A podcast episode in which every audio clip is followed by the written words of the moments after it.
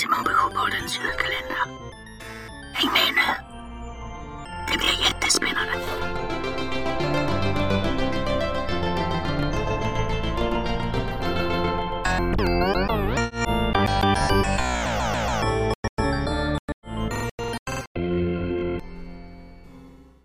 Tjugoandra december Skrufs har kommit tidigare den natten. Jag ber så hemskt mycket om ursäkt, säger han och hon fingrar nervöst på sin svanstofs. För det där med Nutte. Han ska alltid skrämmas. Heter han Nutte? säger Tilda och börjar nästan skratta. Trots att allt hade känts så otäckt. Det låter inte som ett namn på ett fasansfullt spöke. Fasansfullt, säger Skrufs förvånat. Nej, det är han verkligen inte. Nutte är en av mina bästa vänner. Vi brukar ha syjunta ihop. Syjunta?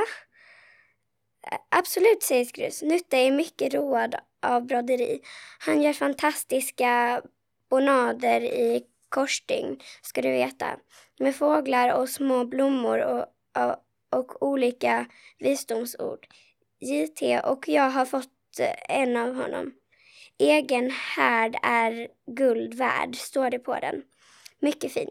En sån har min gammelmormor också, säger Tilda, som hon har gjort själv, tror jag i alla fall.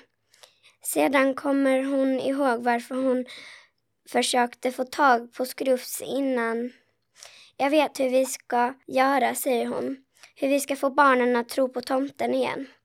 Han ska visa sig för dem. När de sover ska han. Hon tar tag i det lilla överraskade trollets arm och drar honom ivrigt in till sig. Och så viskar hon sin underbara idé rakt in i hans spetsiga öra. Nu formar sig Skrufs i vanliga fall ganska lilla mun till ett stort O. Och O är det enda han säger när Tilda viskat klart. Bara det. O! Och sedan är han borta hela dagen som följer sedan, den 22 dagen, längtar Tilda efter att få gå och lägga sig igen. Idag är det den fjärde advent, säger mamma.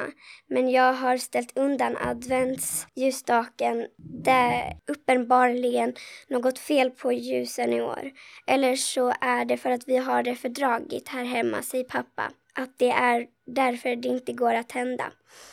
Nu går det Tilda, säger plötsligt någon. Försök du. Och pappa reser sig för att spola vatten i vasken. Det är väldigt vad det bubblar i avloppsrören numera, säger han. Men Tilda hörde, hon hörde faktiskt.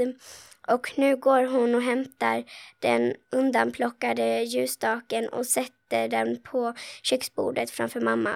Så stryker hon eld på en tändsticka och tänder det första ljuset.